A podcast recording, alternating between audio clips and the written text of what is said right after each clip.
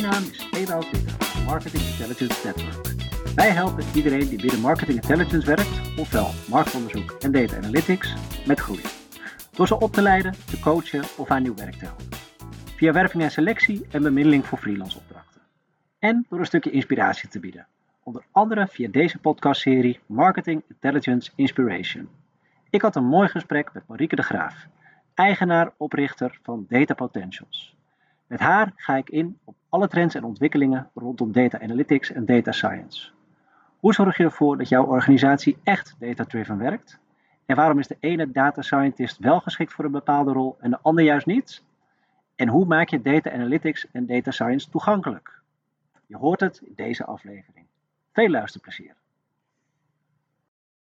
Als je jezelf uh, eerst uh, zou willen introduceren, heel graag. Dat is goed. Uh, nou, ik ben Marieke de Graaf. Ik ben eigenaar van Data Potentials, econometrist en datastrateeg.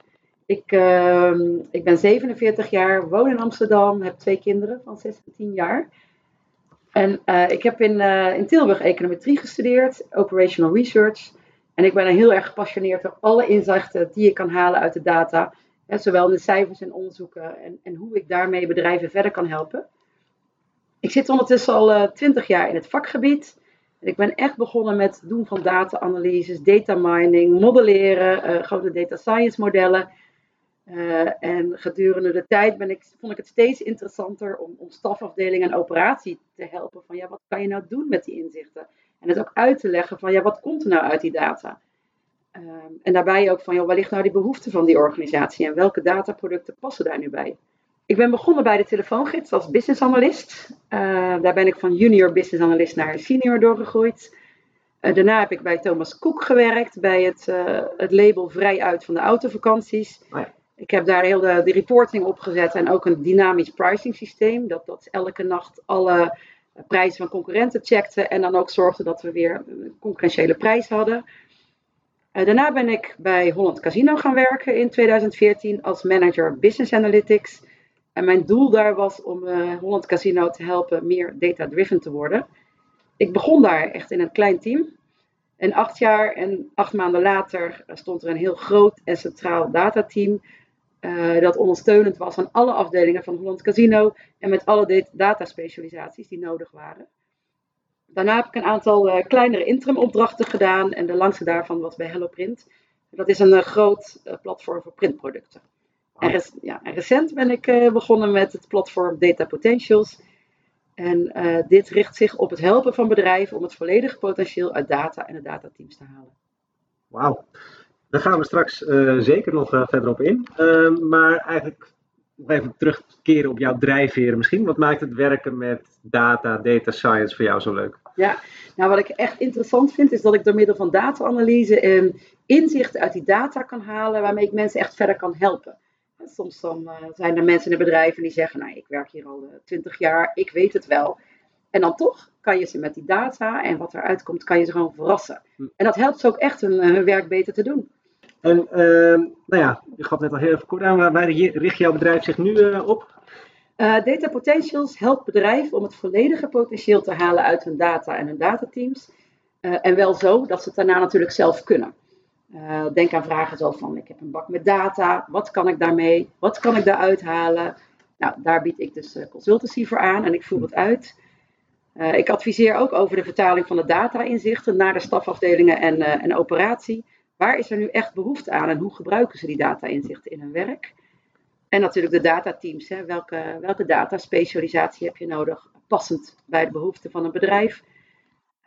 Hierover adviseer ik bedrijven uh, en haal ook die data professionals echt uit de markt. Uh, ik, wat nou, nog goed is om te melden is, ik werk met een aantal uh, seniors vanuit meerdere dataspecialisaties. dus die kunnen ook die mensen ondersteunen die in die datateams zitten. En ook vanuit de inhoud. En ze kunnen meedenken met de gekozen oplossingen. Nou ja, waarom uh, je, je, voor jezelf werkt, waarom is dit de richting die je hebt gekozen? Ik denk gewoon dat daar uh, enorm veel te winnen is op dat gebied. Uh, het, het, is gewoon een moeilijk vakgebied en niet iedereen kan het. ik heb ervoor gestudeerd, heel veel econometristen hebben ervoor gestudeerd. dus ik vind het ook echt leuk om afdelingen of organisaties echt te helpen en te verrassen met inzichten die ze zelf niet uit de data kunnen halen. En wat ze echt helpt hun werk beter te doen. Ik sluit ook Ja. aan bij mijn eh, persoonlijke drijfveren, want ik, ik hou er ook echt van om eh, anderen te helpen en te ondersteunen.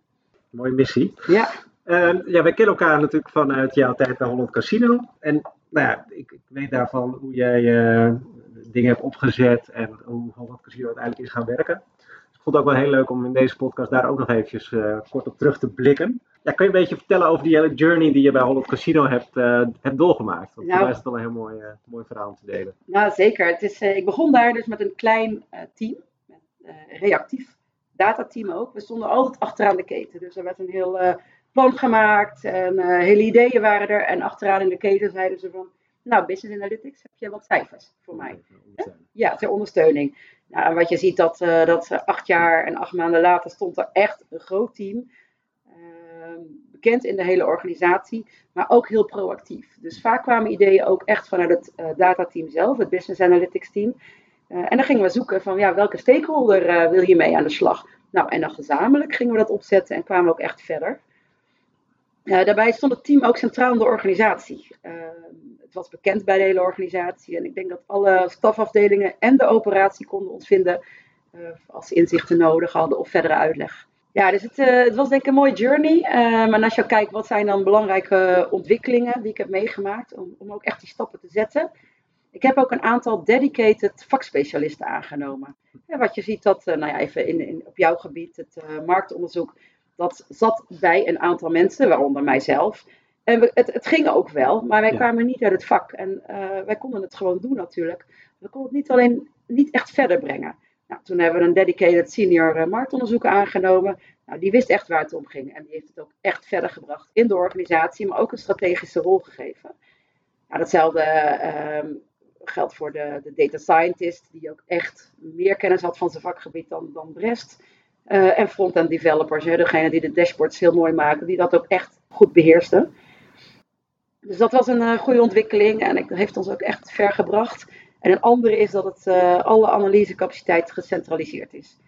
Toen ik begon waren er heel veel analisten bij afdelingen. Nou, analisten die hun eigen analyses deden, maar ook hun eigen definities hadden, hun eigen modellen bouwden. En daarmee ook, ook generalist waren. Dat werkte gewoon niet heel handig. Hè. Zeker niet als het gaat over eh, verschillende definities, waar dus ook verschillende uitkomsten uitkomen. Eh, daarbij het is heel lastig overdraagbaar en niet schaalbaar. Hè, bij piekbelasting of bij ziektes op vakanties. Valt gewoon weg. Ja, nou precies. Dus, dus hè, door het centraliseren van een- die specialismes bij elkaar, dat is echt een hele goede stap geweest. En zo heb je eigenlijk eh nou, dat team een hele sterke rol in de organisatie gegeven. Hoe is Ja. de organisatie daar vervolgens dan mee, mee omgegaan? Wat heeft Holland Casino uiteindelijk eh, nou ja, met, met jullie gedaan, om het zo maar even te zeggen? ja, ja, ik denk heel, heel veel hele goede dingen. Eh, maar ja, uiteindelijk eh, is Holland Casino veel meer data-driven geworden. Hmm. Eh, en je ziet dat natuurlijk aan, aan eh, in het begin moest ik echt mijn best doen om aan tafel te komen, om maar uit te leggen, dit zijn inzichten, daar kan je iets mee. Maar ja, er werd er vaak nog gekeken van, eh, oké, nou ja, aan het eind eh, hè, van toen ik wegging, dat was dus deze zomer, toen kwamen ze heel vaak naar ons toe van, kan je ons helpen met die inzichten? Ja, dus dat is echt wel een, een hele turnaround geweest, dat is heel interessant. Daarbij waren, kwamen er ook steeds, steeds vaker stukken van het eh, analytics team bij de directie aan tafel. Mm, Nou, dat was ja. natuurlijk ook heel goed. Nou, en wat je ook ziet is dat het, het heeft denk ik ook een hele grote efficiëntieslag gegeven. Ehm nou, voorheen, en nou, voorheen dat, dat gebeurt natuurlijk overal, werd ook heel veel geknutseld met Excelletjes. En mensen hielden Ja. elke dag allemaal cijfertjes bij, eh, knoopten dat aan elkaar. Het kost gewoon heel veel tijd. Ja. Terwijl een analist kan dat in één dashboard zetten. Elke dag één druk op de knop en je hebt je cijfers. Nou ja, en dat, eh, eh, dat scheelde gewoon heel veel tijd. En ik denk ook dat er veel nieuwe inzichten bijgekomen zijn door de tijd. Hè. Denk aan eh, HR Analytics. Dat is echt wel een wat recenter eh, vakgebied in de data analytics. Dus de inzichten ook van ja, wat gebeurde er nu eigenlijk binnen het roosteren van personeel, op de vrije dagen. Hoeveel eh, man was er nodig op de vloer als het ineens 40 graden buiten was? Bijvoorbeeld dat soort Precies, inzichten. Ja, Die waren er helemaal niet. Ja, casino zijn- bezetting uh, voor Ja. aansturen hebben dan. Exact, exact. Dus dat heeft echt wel heel veel opgeleverd. Oh, mooi. En kan je nog specifieke voorbeelden van projecten noemen waarvan je denkt, nou, die hebben echt wel eh, op een leuke manier bijgedragen aan, eh, aan het bedrijf of aan specifieke thema's Ja. binnen jullie organisatie? Nou ja, eentje van wel wat langer geleden eh, is eh, het casino op eh, Schiphol ging sluiten. Nou, toen was er een casino-licentie open, over. En ehm, De vraag was dan, waar kan je dan het casino openen? Wat is eigenlijk de beste plek om een nieuw casino te openen? Dus er waren natuurlijk wel een aantal potentiële locaties hè, waar het kon. En door middel van een uh, diepgaande data-analyse hebben we gekeken van ja, hoeveel mensen wonen nou in een gebied, hoeveel concurrenten zitten er in een gebied, maar ook hè, welke andere Holland casino's zitten er in dat gebied. Nou ja, en toen kwam uiteindelijk uh, het casino Amsterdam uh, Sloterdijk eruit. Ja. Nou, dat is nu ook al een aantal jaar open. En nou ja, door middel van hele grote data-analyses is dat echt, echt tot stand gekomen. Dus dat was echt wel heel mooi. Ah, ja. Ja, precies. Nou, ik noemde net ook al eventjes voor wat gebeurt er nou als het heel mooi weer is of slecht weer. Hè? Wat betekent dat dan voor de bezetting op de vloer? Ja, dus dan modelleer je eigenlijk gewoon hoe druk het gaat worden in de casino's op basis van een aantal variabelen. Ja, exact. exact. Ja, je kan je ook wel voorstellen dat als het 40 graden is, ja, dan uh, dan komen er toch echt wat minder mensen naar het casino. Want het, het strand is ook uh, dichtbij hè, en het terrasjes ook. En uh, de ja. online markt hebben jullie natuurlijk ook zien aankomen nog in jouw, jouw periode. Zeker. Daar kwam ook misschien wat een, een, een en ander data kennis bij, bij kijken wellicht? Um, nou zeker. Kijk, alleen wat je zag is dat de beslissing dat online open zou kunnen duurde gewoon heel lang hè, door, de, ja. door de politiek. Ik denk dat toen ik begon ging die al bijna open en hij is pas open gegaan vlak voordat ik wegging. Um, ja, en toen het eenmaal zover was dat die beslissing er was, toen, uh, toen moest er zo snel, uh, zo snel alles worden opgeleverd dat er eigenlijk weinig tijd was op dat moment voor data. Dus dat hebben we achteraf wel, uh, hebben we daar behoorlijk veel mee gedaan. En nou ja, je zit al eventjes in het vak. Afgelopen tien jaar, ja, bij mij in ieder geval, komt zoveel langs over, over data en over visies op dat vakgebied. Waardoor het wel eens lastig is om, om te zien van waar gaat het vak nu eigenlijk naartoe? Wat zijn ja. eigenlijk de belangrijkste trends? Hoe zie jij dat als je het vergelijkt met de periode tien jaar geleden ja. met uh, waar het vak nu staat? Er zijn natuurlijk wel een aantal hele positieve ontwikkelingen. En uh, eentje daarvan is hè, dat, dat analyses en data is, is meer logisch geworden. Je hoeft mensen echt niet meer te overtuigen van ga wat doen met je data. Nee, dat doet de markt al voor je. Want iedereen weet dat hij iets wil doen met zijn data. En dat is natuurlijk heel positief. Hè? Je hoeft niet meer echt te trekken van uh, doe er iets mee. Nou, en, en een andere ontwikkelingen, ontwikkeling die je ziet is dat die, die vaardigheden van die analist, die gaan ook wel wat meer naar de advieskant. Eh, uh, tien jaar geleden was het nog best wel genoeg als je een mooie analyse of model uh, opleverde. Dat deed je gewoon lekker in Excel dat stuurde je door, bij wijze van spreken. Ja, dat is niet meer. Nu gaat het, ligt er steeds meer nadruk op het uitleggen van die inzichten en het verder brengen in die organisatie. En, en wat kan je nou met die inzichten? Hoe kan jij dit vertalen in jouw werk? Uh, dus dat is echt wel veranderd. Ja, wat ik zelf een iets wat minder ontwikkeling vind, is, is dat dingen zoals uh, data science en machine learning zijn, zijn best wel buswoorden geworden. Hmm. Uh, iedereen gebruikt ze, maar daarmee ook met een verschillende definitie. Wat je ziet is natuurlijk data science is, heeft voor mij een bepaalde definitie, maar heel veel mensen gebruiken het zonder dat ze echt verstand hebben van data science. En die bedoelen eigenlijk heel wat anders. Die bedoelen helemaal niet data science, die bedoelen een of ander ander specialisme. Hoe zou jij data science vanuit jouw visie willen, willen definiëren? Ja, wat ik zie is dat data, een data scientist is echt degene die de voorspellende modellen bouwt. Dus echt uh, een voorspelling maakt over de toekomst op basis van data. Dat is in mijn ogen een, uh, een data scientist. Ja. ja. En dan is de analist bijvoorbeeld meer iemand die daar gewoon verder naar gaat kijken en daar. Uh, ja, en dat ook nog weer de brug naar, naar de afdeling en de organisatie maakt wat daar ook nog bij zit, is dat er gewoon. Uh, er is data science, hè, dat is natuurlijk hartstikke populair. Dus er zijn heel veel studies van, of, of, of ja, cursussen kan ik het bijna, bijna noemen, van een paar dagen of een paar weken. Uh, alleen dat is echt iets anders dan iemand die er vier jaar voor gestudeerd heeft op de universiteit. Dus wat je ziet, ja, er zijn heel veel data scientists. Alleen voor iemand die geen verstand heeft van het vakgebied, is het heel lastig om het verschil te maken in kwaliteit is echt een groot verschil of je een paar weken lang data science hebt gestudeerd of vier jaar. Maar ja, iedereen praat dezelfde taal. Dus, dus zeg maar als bijvoorbeeld een HR-specialist, ja, die hoort allemaal moeilijke woorden die hij niet kent en denkt al snel, hoppa. En dat is, dat is denk ik heel lastig, want dan is het risico groot dat je een verkeerd specialisme in huis haalt. Of gewoon niet de kwaliteit, de juiste dingen uit je data haalt die je er eigenlijk echt mee kan. En dat is gewoon zonde. Dan kan je op basis van iemand die een bepaalde programmeertaalkennis heeft al zien van uh, die kan dit en die kan dat? Of is het dan daarbinnen ook nog heel lastig om te onderscheiden van hoe ver iemand is of wat voor type analyses iemand kan ja. maken? Dat gaat nog niet zozeer binnen de programmeertaal, want dat Hmm. zijn een paar die heel populair zijn. Hè. Denk aan Python en R. Dat zijn eigenlijk veel programmeertalen, programmeertalen die iedereen gebruikt. Kijk, dat gaat er wel om als ik dan ga doorvragen, wat heb je daarbinnen gedaan? Hè, en wat voor statistische verdelingen heb je gebruikt? En hoe heb je dat aangepakt? Dus hoe groot zijn dan die projecten? Ja. ja en dan begrijp ik wel precies wat de ervaring is. Ja, precies. Ja. Dan uh, prik, je er, ja, ja, ja. er wel doorheen. Ja. Nou ja, ik heb natuurlijk nog uh, nagedacht over een aantal andere ontwikkelingen hè, de afgelopen tien jaar. Je ziet natuurlijk dat de AVG en de beveiliging echt uh, is heel veel groter geworden. Heel belangrijk, maar heeft ook echt veel impact op de teams. De ontwikkeling gaat ook snel. Hè, dus uh, denk aan iets wat je tien jaar geleden hebt neergezet met alle kennis van, op, van de AVG-beveiliging op dat moment. Ja, als je naar nu terugkijkt, voldoet het niet meer aan de eisen. Ja, dat is heel lastig, want ja, om dan alles weer met terugwerkende kracht te doen, kost gewoon heel veel tijd. Ben je heel lang bezig. Ja, en andere ontwikkeling uh, is ook wel natuurlijk, en dat, dat weet misschien ook wel iedereen, is dat de volume en snelheid van data echt groter wordt. Uh, toen ik begon, draaide eigenlijk bijna alles in een data warehouse en servers die één keer per dag uh, updaten en draaide alles on-premise. On dus on servers, on, op servers in het bedrijf. Ja. Um, ja, of soms had je zelfs niet eens een data warehouse. Dat was ook wel mooi.